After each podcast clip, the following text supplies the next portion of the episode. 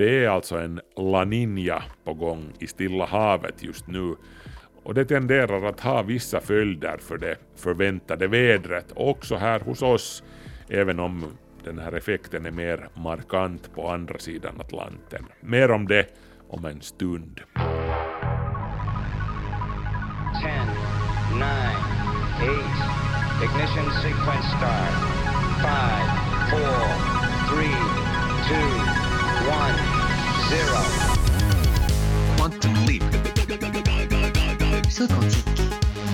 Salto quântico, salto quântico, salto quântico. Salto quantico, salto quantico. Kvanthopp, det du inte visste att du ville veta. Säg mig Marcus, eh, varför har vi haft ett så kallt och ruskigt vårväder? Ja, vi skriver slutet av maj nu och jag har fått den här frågan med jämna mellanrum ungefär sedan början av april. Ja, så den obligatoriska följdfrågan förstås. Och säg nu, hurdant blir sommarens väder?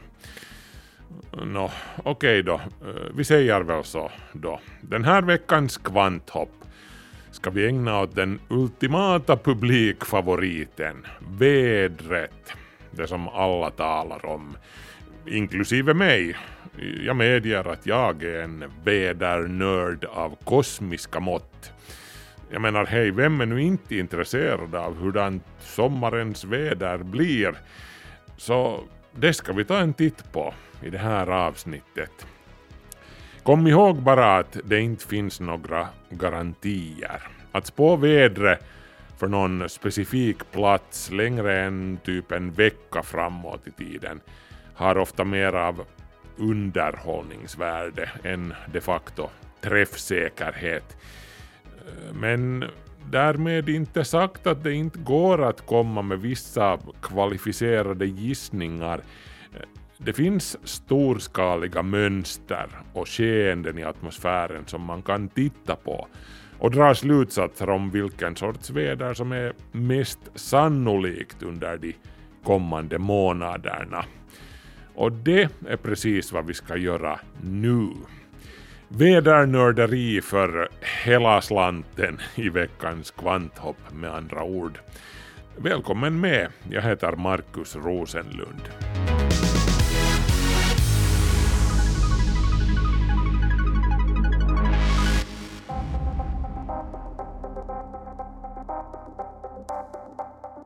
Innan vi går in på sommarens väder så tänkte jag att vi ska göra en liten tillbakablick. Hurdan var den gångna vintern och våren? Träffa prognoserna beträffande dem rätt. Eh, jag sa själv i oktober att vi kommer att få en kall och snörik vinter och jag fick åtminstone delvis rätt. Snön lät vänta på sig här i söder åtminstone. Men sen när den kom mot slutet av januari gjorde den det med buller och bång. Då hade Österbotten redan kring jul blivit bombarderat av snökanoner från havet, så kallad kustkonvergens som gav rikliga snöbyar och mycket skottande för bland annat Vasaborna och Jakobstadsborna. Februari blev sen en mycket snöig månad för oss här vid sydkusten. I Noks i norra Esbo föll det 127 millimeter nederbörd i februari. I genomsnitt faller det under 40 millimeter där i februari månad. Och jag menar, i februari så är ju största delen av nederbörden som faller i form av snö.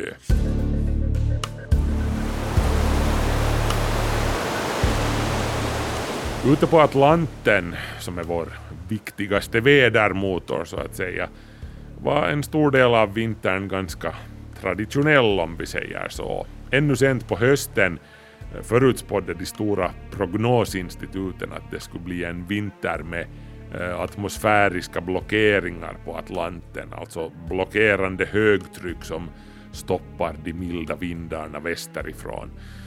sådana vintrar blir det ofta svinkallt ryskt inlandsklimat här hos oss med högtryck som ger bister kyla men ganska lite snö. Men så blev det alltså inte. Den atlantiska lågtrycksmotorn snurrar på hej vilt och spotta upp lågtryck efter lågtryck över norra Europa. Att det ändå blev kallt och, och snöigt beror sen på att lågtrycken halkade in på en gradvis allt sydligare bana så att vi hamnade på den kallare sidan av lågtryckens motorväg, jetströmmen som den också kallas. Jetströmmen, eller polarfrontjetströmmen som just den här jetströmmen heter, det finns några olika här på jorden, eh, är alltså den snabba luftströmmen som löper här ovanför den 60 breddgraden och, och som utgör gränsen mellan den norra kallluften och den sydligare varmluften. Den jetströmmen varierar i styrka från år till år men nu i år var den stark, snabb och hyfsat rak under stora delar av vintern.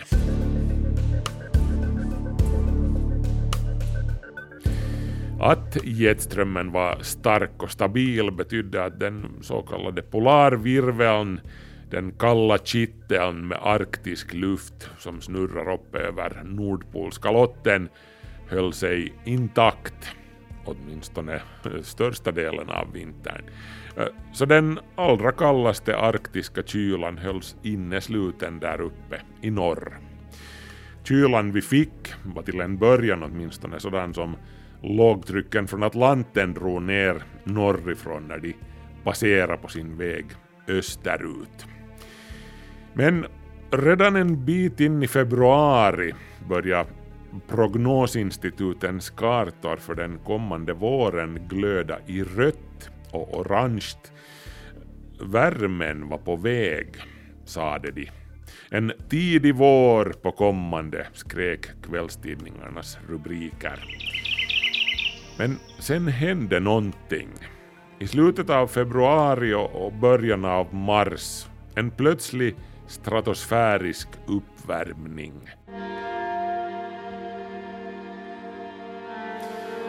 Eh, det är alltså en störning i atmosfären som inträffar med något års mellanrum om vintrarna.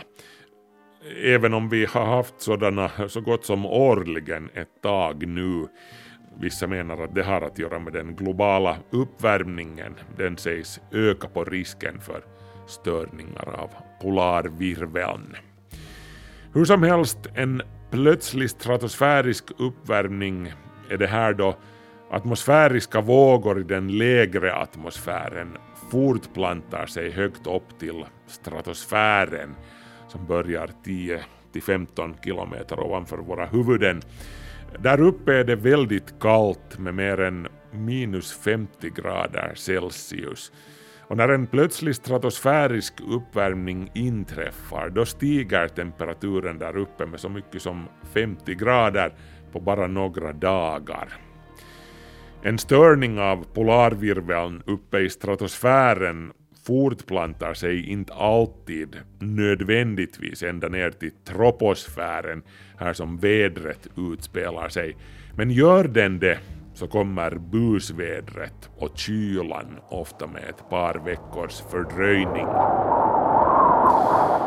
I värsta fall får den plötsliga stratosfäriska uppvärmningen hela polarvirveln att gå i kras vilket får kall arktisk luft att spilla söderut, ofta med bister vinterkyla för till exempel Europa och nordvästra USA som följd. Den stratosfäriska uppvärmning som inträffar nu sent i februari i år, eh, den var inte riktigt tillräckligt plötslig, om vi säger så, och framförallt inte tillräckligt kraftfull för att knocka ut polarvirveln totalt så där som det ibland går. Men den räckte hur som helst till för att spräcka drömmen om en tidig vår som många gick och närde, inklusive många meteorologer. Mars blev en småkylig månad, ganska nederbördsfattig och med kortare varma inslag.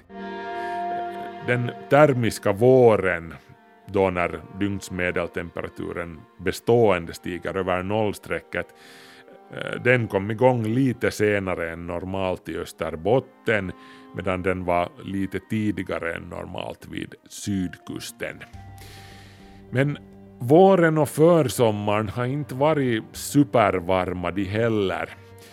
Störningen i stratosfären i slutet av februari angav liksom takten för det som komma skulle. April månad blev också lite kylslagen och, och den myckna snön som föll på vintern låg kvar rätt länge, vilket också det alltså bidrog till att kylan kändes mera och, och höll på längre. Kaisaniemi i Helsingfors uppmätte till exempel inte en enda dag med, med plus 20 grader Celsius eller mer i april månad. Och slutet av månaden och månadsskiftet april-maj blev sen riktigt rejält kyliga. Vinterdäcken satt länge på bilen i år. Och resten av maj, tja, vad ska man säga? Vi har ju inte haft en enda inom citat hellepäivä, alltså en dag med maxtemperatur på mer än 25 grader nu i maj. Faktum är att Kaisaniemi inte har spräckt 20 grader ens en enda gång i maj tills den här veckan. Och det här har fått folk att klaga på kylan, åtminstone i mitt Facebookflöde. Vi har tydligen börjat förvänta oss värmeböljor med 25 till 30 grader redan i maj. 2018 års maj till exempel var ju exceptionellt varm. Hela den sommaren var det de facto grillkupan, kommer ni ihåg. Årets maj har däremot varit, tja, ganska mellanmjölk. Medeltemperaturen för hela maj ligger kring 12 grader Celsius i, i Helsingfors om man ser på långtidsgenomsnittet. Och någonstans däromkring kommer vi antagligen att landa nu i år också. Eventuellt lite kyligare till och med. Men på det hela taget, det har varit en ganska icke-exceptionell vår här hos oss. Inga värmeböljor men inte heller någon annan sorts tvära kast. Och det har alltså i ärlighetens namn inte varit så kyligt som vissa påstår och klagar över. Väderläget sådär i stort har bestämts av ett högtryck som har legat och häckat över västra Europa. Det har gett för årstiden ovanligt hett och torrt väder, bland annat i Spanien och i Frankrike. Eftersom luften roterar medurs kring ett högtryck här på norra halvklotet har det här sen gett oss svalkande och någorlunda torra fläktar hit till Finland från nordväst med soligt men inte sådär supervarmt väder. Det här utgångsläget med högtrycket över västra Europa är för övrigt ett ganska typiskt scenario under ett La Niña-år. Det är alltså en La Niña på gång i Stilla havet just nu och det tenderar att ha vissa följder för det förväntade vädret också här hos oss, även om den här effekten är mer markant på andra sidan Atlanten. Mer om det om en stund.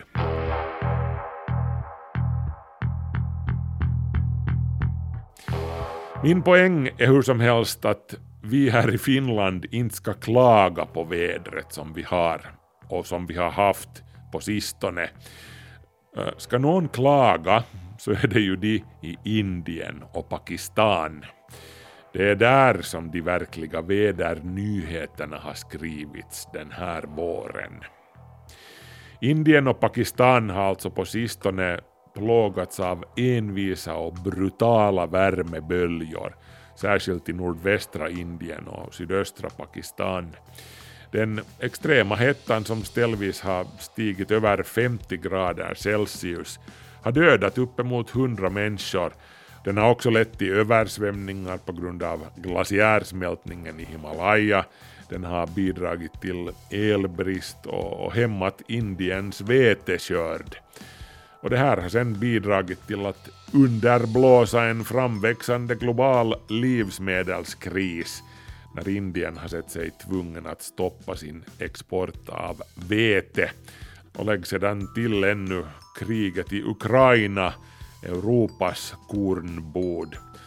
Och vem som helst inser att det här inte bådar gott med tanke på världens livsmedelsförsörjning.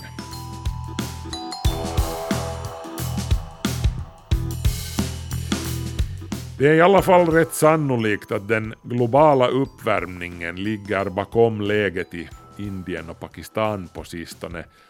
Enligt en färsk studie har en värmebölja som den här just nu ungefär en chans på hundra att inträffa under ett givet år. Innan uppvärmningen började ta skruv skulle chansen ha varit sådär en på 3000. Och riskerna för den här sortens värmeböljor skulle öka till så mycket som en på fem, menar forskarna, om världen värms upp med mer än två grader Celsius. Vi ligger just nu på cirka 1,1 grader Celsius eh, jämfört med slutet av 1800-talet.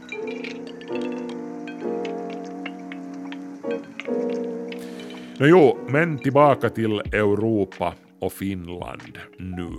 Och den brännande frågan som jag utlovade någon sorts svar på i början. Hurdant blir sommarvädret? Och där finns det som sagt vissa skäl att ta i beaktande det faktum att vi har en ovanligt seg La ninja på gång i Stilla havet. Det globala vädret är ju ett mycket komplext system med många storskaliga och småskaliga faktorer som påverkar det.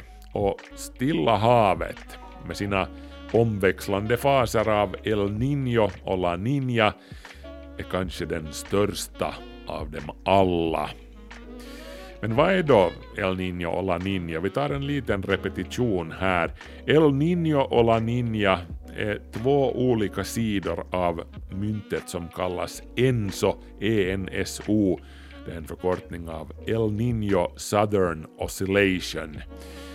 En El Niño, som alltså har fått sitt namn från Jesusbarnet i och med att den ofta uppträder kring jul, uppstår då passadvindarna över Stilla havet avtar eller byter riktning och varmt ytvatten söker sig österut mot den amerikanska kusten.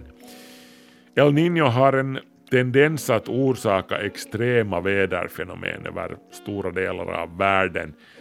Australien och Indonesien till exempel får torka medan den amerikanska västkusten får ösregn och översvämningar. La Niña är sen den motsatta situationen. Man kan säga att La Niña är en förstärkning av normalförhållandena. Under en La Niña, som nu till exempel, blåser vindarna på Stilla havet mot Australien starkare än normalt. Eh, mera vatten förs mot Australiens kust vilket leder till en starkare molnbildning där. Eh, konsekvensen blir sen att Australien samt Sydostasien och Oceanien får ösregn medan delar av Sydamerika får torka.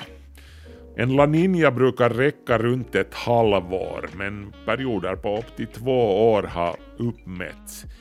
Den nuvarande La Niñan den började i fjol höstas och mot alla förväntningar och tvärtemot vad prognoserna förutspådde avtog den inte alls nu till våren utan den har tvärtom förstärkts på nytt. Och prognoserna tyder nu på att den kommer att fortsätta in på hösten och till och med över nästa vinter. Och det här kan ha vissa följder också för oss.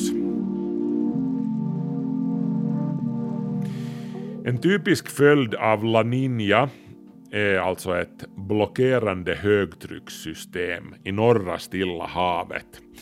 Det här böjer alltså den polära jetströmmen, den som löper här ovanför oss och runt jorden, eh, så att norra och nordvästra USA får kallt och stormigt väder medan de södra delarna får varmt och, och torrt väder. I Finland är effekterna inte lika markanta men här kan en La Nina-vinter bli mildare än vanligt. Men den här korrelationen är lite svag som sagt och den träffar inte rätt varje gång. Men eh, det var snack om sommaren alltså. Vad, om någonting, kan vi vänta oss av sommarvädret en La Niña-sommar som den här? Nå, också under en La Niña sommar brukar ett starkt högtryck uppstå i norra Stilla havet Eh, kombinerat med varmare havsvatten än normalt just där. De mest omedelbara och, tydliga följderna av det här brukar ge sig till känna än en gång i USA och Kanada. Torrt och varmt i söder och väster, regnigare i de östra delarna.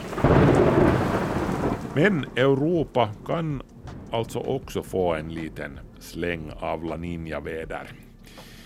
Om vi tar en titt på sommarens långtidsprognos, alltså juni, juli och augusti 2022 från Europacentret för medellånga väderprognoser, ECMWF, så kan vi på deras kartor se det där typiska La Nina högtryckssystemet över norra Stilla havet. Det sträcker sig in över västra och norra USA. Ett sekundärt, också det typiskt La Nina högtrycksområde ligger sen över nordöstra USA. Och här kommer vi sen till den intressanta biten för vår egen del. ECMWF placerar in ett annat högtryckssystem över Europa med ett lågtrycksområde över Grönland och Nordatlanten. För Europa, eller åtminstone stora delar av Europa, skulle det här innebära klart varmare väder än normalt. Men, och här är kruxet, undantaget utgörs av norra Europa som mer eller mindre skulle domineras av ett lågtryckssystem och ett västligt luftflöde. Ser vi på nederbördsmängderna som ECMWF utlovar så förväntas en stor del av kontinenten få mindre regnmängder än normalt, vilket öppnar för troliga scenarier med torka, vilket i sin tur kan vara dåliga nyheter med tanke på skördeutsikterna.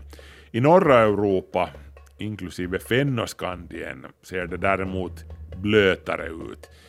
Men med en lite mindre betoning på Finland än Norge och Sverige om man får tro ECMVF. Det finns alltså lite mera solchanser här hos oss än i, än i det där, den övriga Fennoskandien.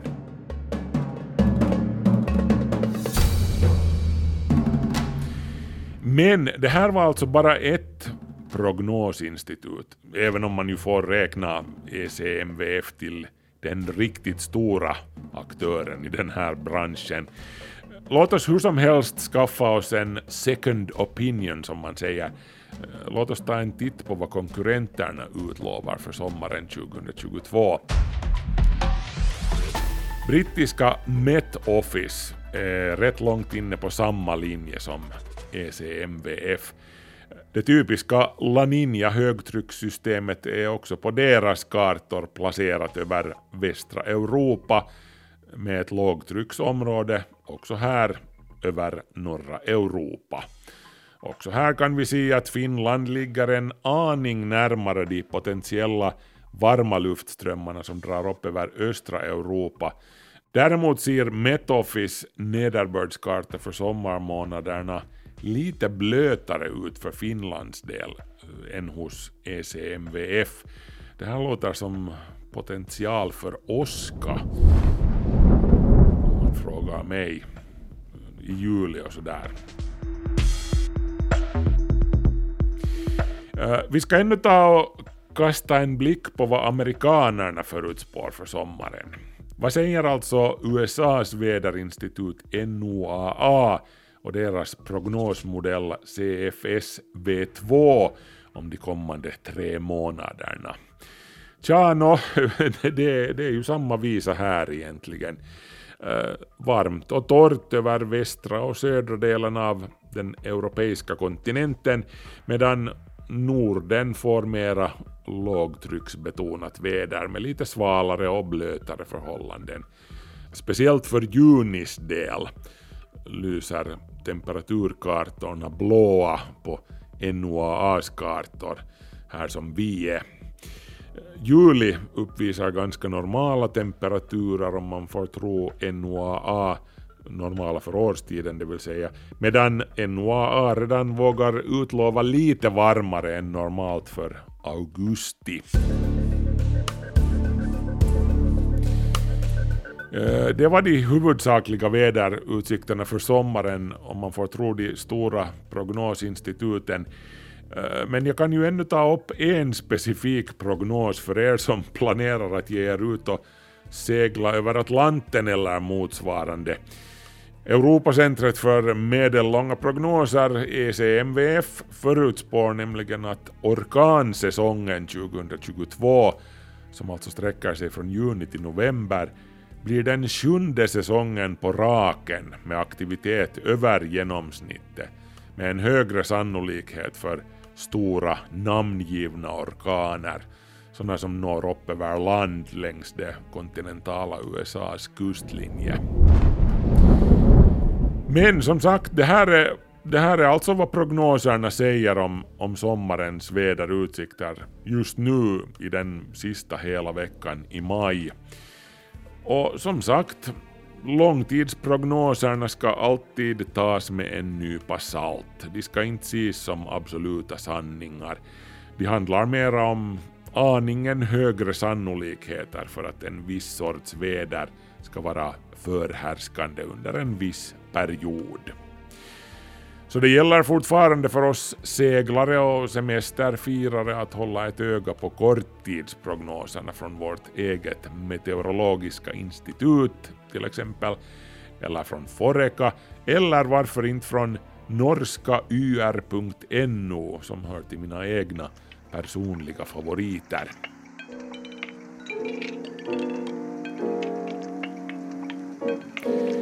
Och så kan man ju också gå till Bibban och låna böcker som lär en identifiera olika molntyper och, och vindar och, och, och, vilken sorts väder de förebådar. Bra stuff på det här temat finns också till exempel på Youtube.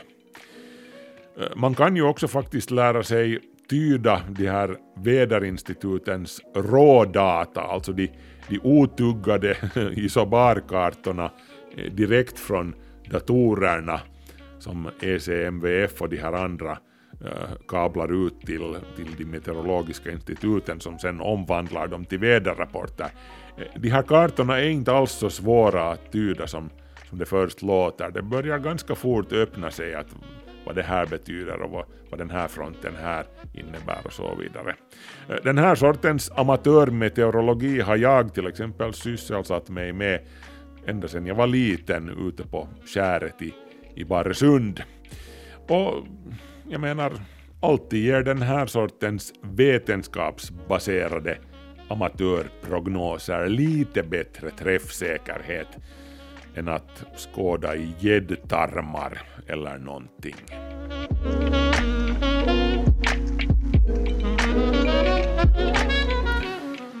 Men nu är Kvanthopp slut för den här gången ett nytt avsnitt igen om en vecka på Yle Arenan. Har du ärende kan du kontakta oss via vår Facebook-sida eller via kvanthopp.yle.fi. Markus Rosenlund så heter jag. Vi hörs om en vecka. Hej så länge.